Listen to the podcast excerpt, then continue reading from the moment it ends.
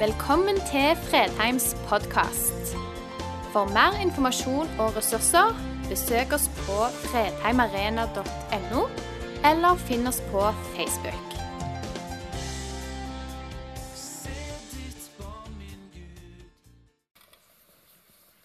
Jeg heter Sondre Høysæter, og jeg er Må jeg bare tenke meg om. Jeg er 37 år. Ja, jeg vet. Jeg holder meg godt for alderen. Eh, jeg har sett veldig frem til dette og får lov til å komme her og egentlig si takk. Takk til Fredheim for at eh, Fredheim har stått sammen med oss i mange år. Stått sammen med oss i Hope for Justice om å be for, eh, om å løfte frem for Guds ansikt de, noen av de sakene vi står oppi. Og for oss å si takk til Fredheim for alle de av dere som er med og gir fast hver måned, eh, slik at mennesker i Norge som eh, lider som ofre for moderne slaveri, eh, har noen som leter etter dem, har noen som oppsøker dem, og har noen som tilbyr dem en vei ut av den situasjonen de befinner seg i. Vi er en relativt liten organisasjon her i Norge. Eh, det er veldig kjekt å kunne liksom si at vi har nettopp ansatt to stykker til. Så vi er tre i Stavanger, så har ansatt to stykker til som skal jobbe med utgangspunkt i Oslo. Eh, og vi er del av en internasjonal organisasjon som har jeg har vel 400 kollegaer på verdensbasis. Og i løpet av 2018 så påvirka det arbeidet som Fredheim er med oss og støtter, det påvirka 40 000 menneskeliv. Det er ganske bra. Det er nesten så bra at eh, noen av dere kjenner på en sånn lite behov for en applaus. Eh, for det dere er med på. Ja.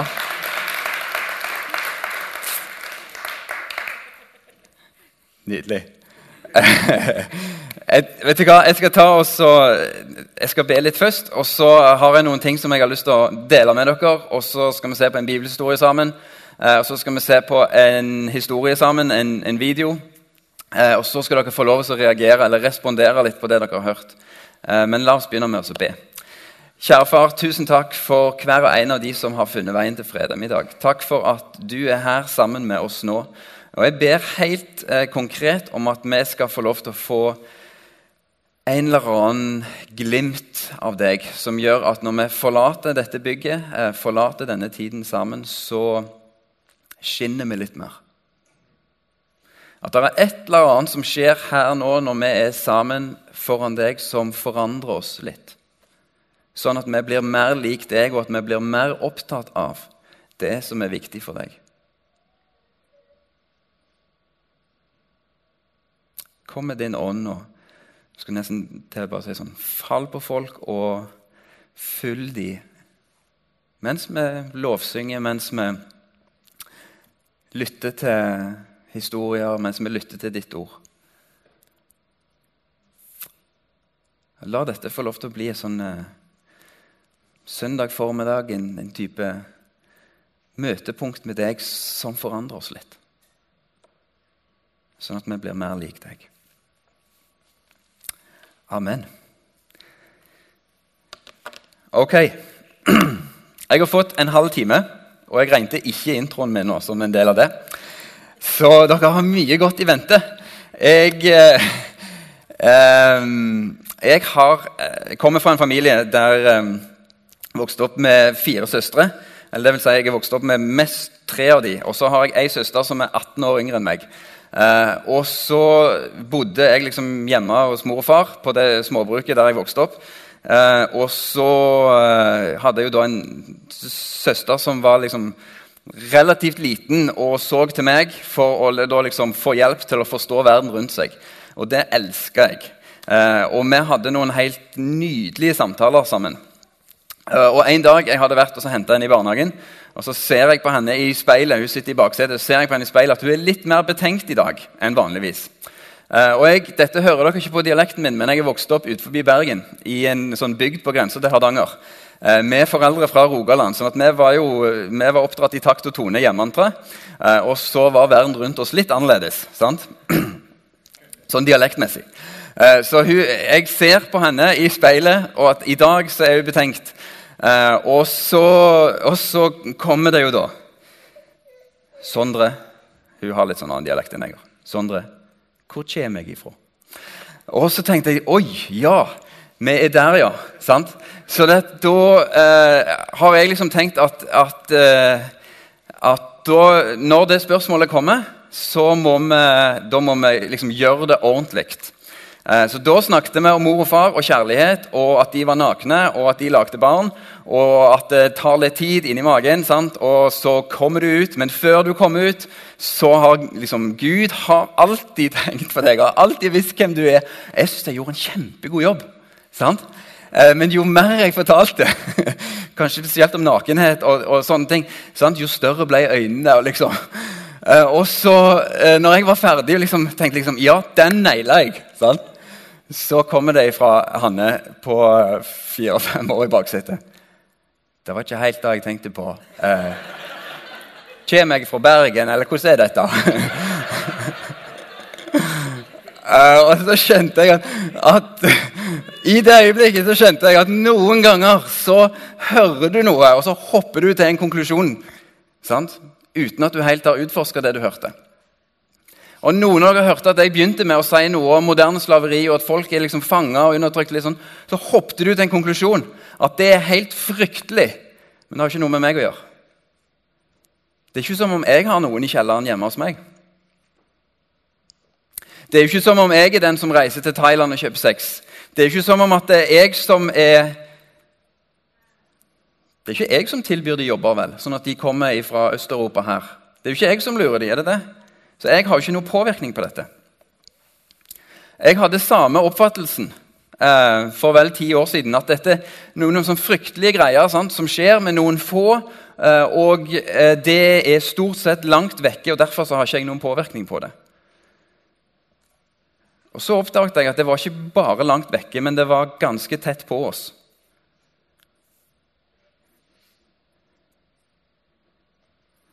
Og så oppdaget jeg at eh, jeg kunne påvirke dette. Og Siden vi er liksom et kristent møte her, så har vi lov til å bruke disse ordene òg. Men jeg oppdaget at det var ikke bare jeg som hadde lyst til å påvirke dette. her. Jeg oppdaget at Gud hadde lyst til å påvirke dette. Og Tesen min er egentlig så enkel som dette. Jeg tror ikke vi kommer til å ha slaver i himmelen. Hvorfor aksepterer vi det nå? Vi kommer ikke til å ha slaver i himmelen. Hvorfor lar vi det skje nå, da?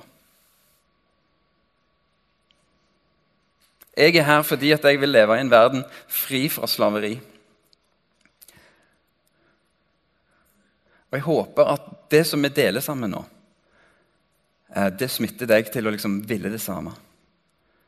Og jeg vet at Dere har vært i en serie der dere snakker om sannhet, om hvordan det bidrar til frihet. Og jeg liksom elsker hvordan sannhet og frihet virker som henger sammen.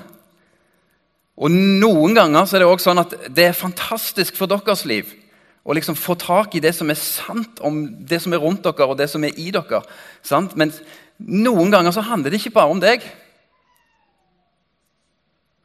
At når du får tak i det som er sant, så er det akkurat som det påvirker noen her borte. Og Noen ganger så er det også sånn at vi Noen ganger så er det sånn i forhold til frihet at vi tenker at det, det har veldig mye med liksom følelsene våre å gjøre, eller tankene våre. Og sånn. Og så sitter det noen her borte sant, som ikke kan bestemme hvor lenge de skal jobbe i dag. Det er søndag. De kan ikke bestemme hvor lenge de skal jobbe i dag. De kan ikke slutte i denne jobben. Så behovet deres for frihet er noe helt annet enn det som følelsesmessig behov. Og jeg tror at sannheten som setter fri sant? Hvis vi skal bruke et sånt bilde eller, eller Nesten sånn som Guds rike. da, sant? Det er akkurat som, og Dette vet jeg står i Bibelen, og, og dere kan gå inn og finne dette. men det, Noen ganger så, så, så, snakkes det om at det, sant, det er som en elv. Og så går du ute i denne elven. sant? Og så denne elven den sender deg av gårde i en retning. Det er det sannheten har tenkt å gjøre med dere. Sende dere av gårde i en retning. Ja, det handler om ditt liv. Det handler, retningen er andre sitt liv. Når du liksom tar steget inn i denne elven, så sendes du av gårde mot resten.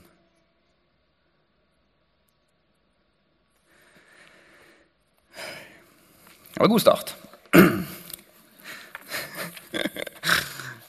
Noen plasser jeg får lov å tale, og der, der sier de jo amen og halleluja sånn hele veien. Jeg har skjønt at koden på Fredheim, det er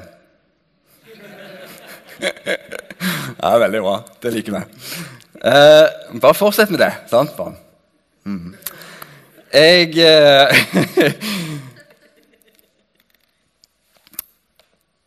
Jeg har lyst til at vi skal se på en historie sammen eh, som vi finner i Markus kapittel 5. Og jeg, jeg, har ikke tenkt å lese hele historien for dere. Eh, og Noen av dere kjenner kanskje den igjen, men jeg har tenkt å gjenfortelle den. Jeg synes Dette er en fantastisk historie eh, som representerer så mye håp for mennesker. Eh, og for oss. sant? Eh, og så har jeg tenkt at Det står i Markus 5, begynner i vers 1 og så går det til vers 20. Så hvis du, hvis du tenker nå når du hører meg fortelle at står det virkelig i Bibelen, så er det lov å sjekke meg. sant? Ja, så, så, kan jo du liksom se at ja, oh, ja, han er inne på noe her. Men, men forhistorien er at Jesus, Jesus, har vært et annet sted, og så går han i en båt, sånn som han ofte gjør, og så reiser han til et nytt sted. Han kommer til et nytt sted der der, disse menneskene har ikke møtt Jesus før. Og sånn som det er når du liksom ikke har møtt noen før Noen av dere har ikke møtt meg før. Sant?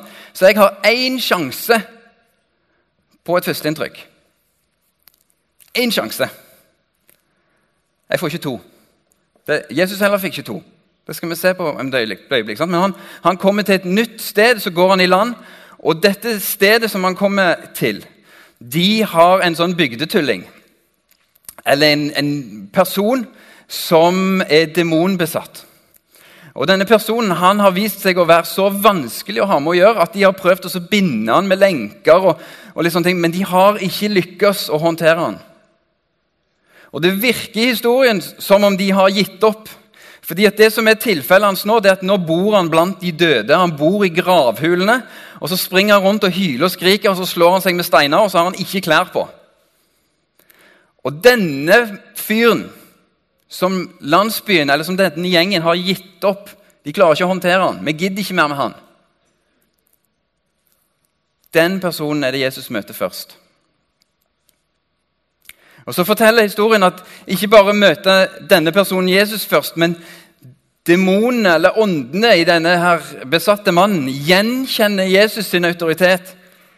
Sånn at når Jesus kommer nærmt han, og Jesus har sagt 'far ut av han, så begynner liksom de nei, nei, nei, du må sant, trygle nesten om nåde på at du må ikke liksom ødelegge oss. Vi må, vi må få lov å være her i området. Sant? Og så ikke, jeg, det, jeg, Nå skal det ikke handle om teologi rundt hvordan du driver ut demoner. Men Jesus tillater på det tidspunktet at de får ta bolig i noen griser. Sånn at disse åndene og jeg sier åndene i flertall, for de, de, forklarer at vi er mange, for vi er en legion. Sant? Sånn. Disse åndene får lov å ta bolig i griser som går og beiter der.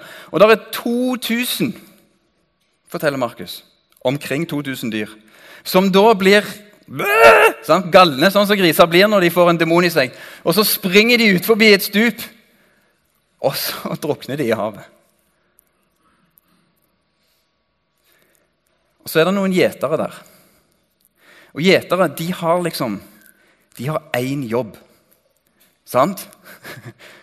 Og det er ikke skrive salmer. Altså Det er en bonus. Hvis du er gjeter kan skrive salmer. Eh, de har liksom én jobb. Det er hvis du tar med deg 2000 dyr ut, så forventer eieren å få 2000 dyr tilbake igjen. Det at grisene spiser og blir feite, og alt sånt, det skjer av seg sjøl. Det trenger du ikke en gjeter til. Du trenger en gjeter til å liksom, få dem tilbake igjen. Gjeterne har én jobb, og den dagen så mislyktes de. Så De har et problem. Så Gjeterne de, de går altså tilbake igjen til landsbyen og forteller hva som har skjedd. Og Så står det at landsbyen kommer ut, og så finner de den demonbesatte mannen påkledd og ved sans og samling. Der er det et nydelig bilde av hva frihet er. Både for vår del, men òg for de ofrene som vi søker oss å hjelpe. I bibelsk forstand er nakenhet ofte forbundet med skam. Så det at du får lov til å finne noen som er påkledd, det er nesten som å si at skammen er borte. Og sans og samling handler om at du er i stand til å ta gode valg. Noen av dere har hørt disse seriene som, som Fredheim har hatt de siste ukene. og hvis du, hvis du, ikke har det, så bør du helt sikkert finne dem på podkast. Sånn, sånn. Det er masse bra for oss å gi deg frihet til å ta gode valg. Du kan nesten liksom sånn være med sans, du kan være påkledd med sans og samling. De finner denne mannen påkledd og ved sans og samling. Så snur de seg til Jesus. Her har du Jesus som har brukt opp førsteinntrykket sitt på å befri denne ene mannen. Og Resultatet er at resten av landsbyen sier 'gå bort fra oss'. Vi vil ikke ha deg her. Så går Jesus i båten sammen med disiplene sine. Og så drar han. Så har jeg tenkt noen ganger Er det sånn Er det sånn, Jesus, at eh, fordi du befridde denne mannen, så mista du muligheten til å forkynne? Du mista muligheten til liksom å få gjøre mer godt. Fordi du tenkte at han var så viktig, så tapte du alt det andre. Så jeg tenkte på dette her med 2000 griser. og liksom, Det er, liksom, er bare noe oppi her som jeg bare syntes var liksom vanskelig å få tak på. Og så var det da en som hjalp meg til å se at 2000 griser er jo ganske mye verdi. Så det som Jesus gjør her, er at han Kanskje vi kan si Jesus ruinerer en landsby. Dette var livsgrunnlaget deres. Så Jesus ruinerer en landsby for å sette ett menneske fri. Et menneske som de fleste hadde gitt opp. Et menneske som de ikke lenger regna med, som ikke lenger fikk være en del av fellesskapet deres. For de klarte ikke å håndtere.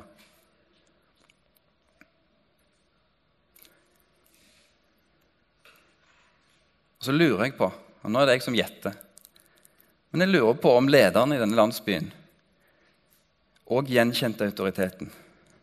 Akkurat sånn som de onde åndene gjorde. De gjenkjente autoriteten som denne mannen kom med, og så begynte de å regne på det, hva det kosta. Ja, han, han, er dyr, han karen her. Fordi vi har, jo, vi har, jo, denne sykdommen hos oss, og vi har jo vært liksom, vi har disse problemene og disse og disse. Dette har vi ikke råd til. Jesus, du må, du må dra et annet sted.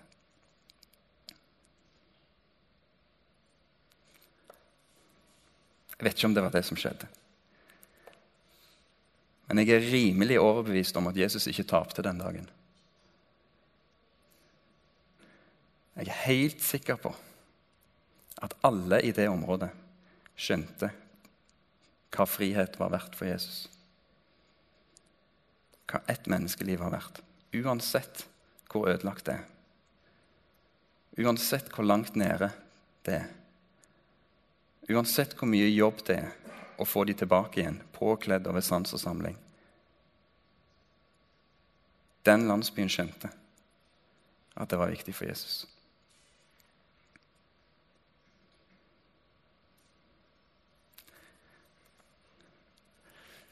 Noen ganger så har jeg det litt sånn òg når, når, det gjelder mitt eget liv. At jeg eh, jeg vet ikke om dere har det sånn, men, men noen ganger når Jesus sier noe, eller Den hellige ånd prøver å lede meg i en retning, så begynner jeg òg å regne på hva er prisen her. Hva kommer dette til å koste meg?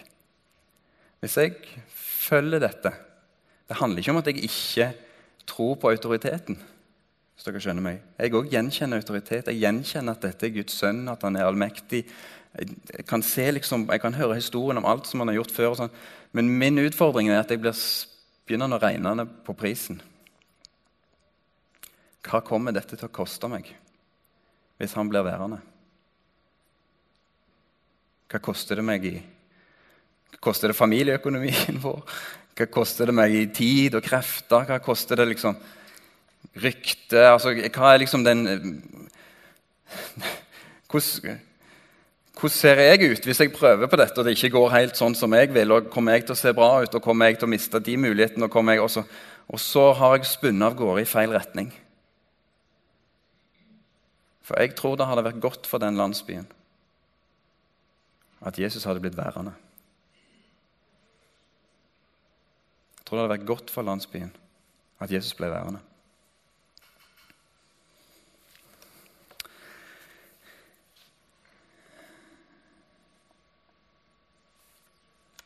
Jeg eh,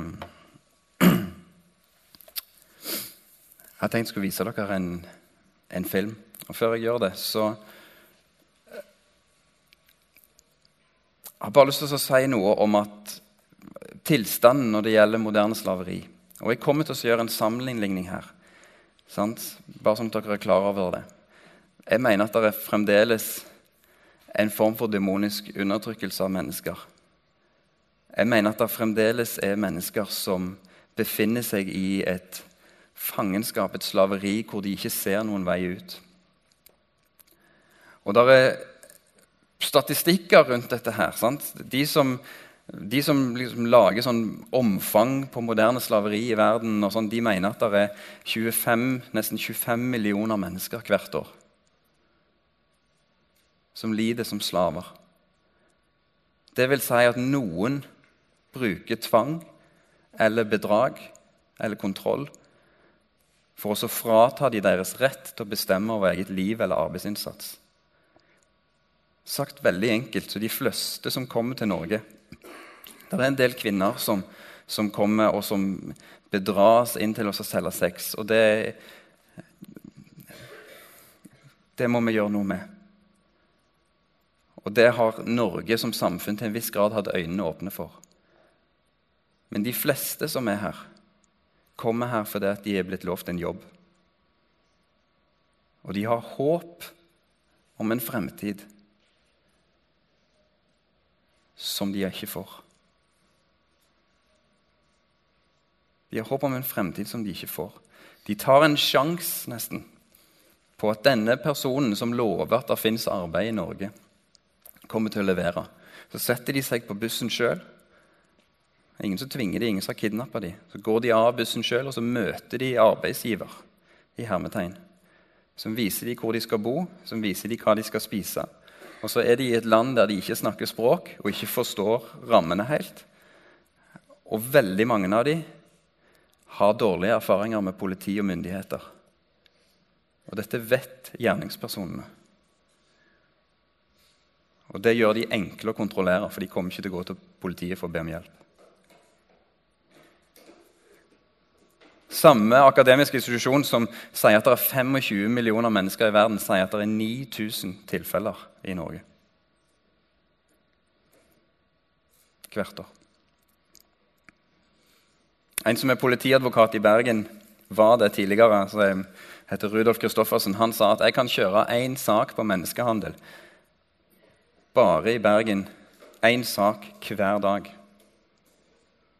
Hvis jeg hadde hatt ressursene til det.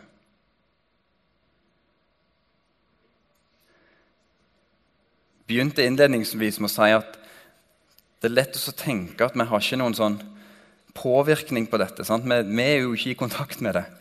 Eller er vi det? Den første saken på tvangsarbeid var fra Stavanger. og Den gjaldt britiske tenåringer som la ned stein i oppkjørselen til eldre damer. Det var britiske tenåringer som var plukket opp på gaten i England og tatt med på turné gjennom Europa og Skandinavia. De bodde i en campingvogn og bestemte ikke over hvor lenge de skulle jobbe. De hadde blitt lovt en lønn, Eh, Men etter utgifter til reis og mat og organisering og som var trukket fra, så satt de igjen med tilnærmet ingenting. Eh, Og de, det ble utøvd vold og trusler mot dem når de ikke jobbet slik som de skulle. En av de kom eksempel i skade for å velte en palle med, med skifer som vi skulle legge ned, sånn at noen av de knuste. Og Da tar arbeidsgiver fram en øks for å hogge av han hånden inntil han har sagt fra seg lønnen til det er tilbakebetalt. Og En annen har epilepsi og behov for medisin. og Det har ikke arbeidsgiver noen sånn forståelse for, så han blir slått i hodet. sant? For Når han ikke funker skikkelig, så hvis jeg slår hardt nok, så funker han jo etterpå.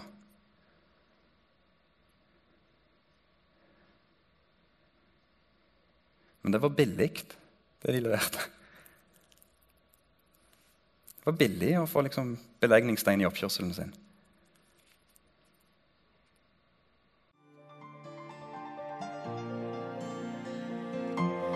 Takk for at du valgte å høre på. Nye opptak legges ut hver uke. Vi har gudstjenester hver helg, og du er hjertelig velkommen.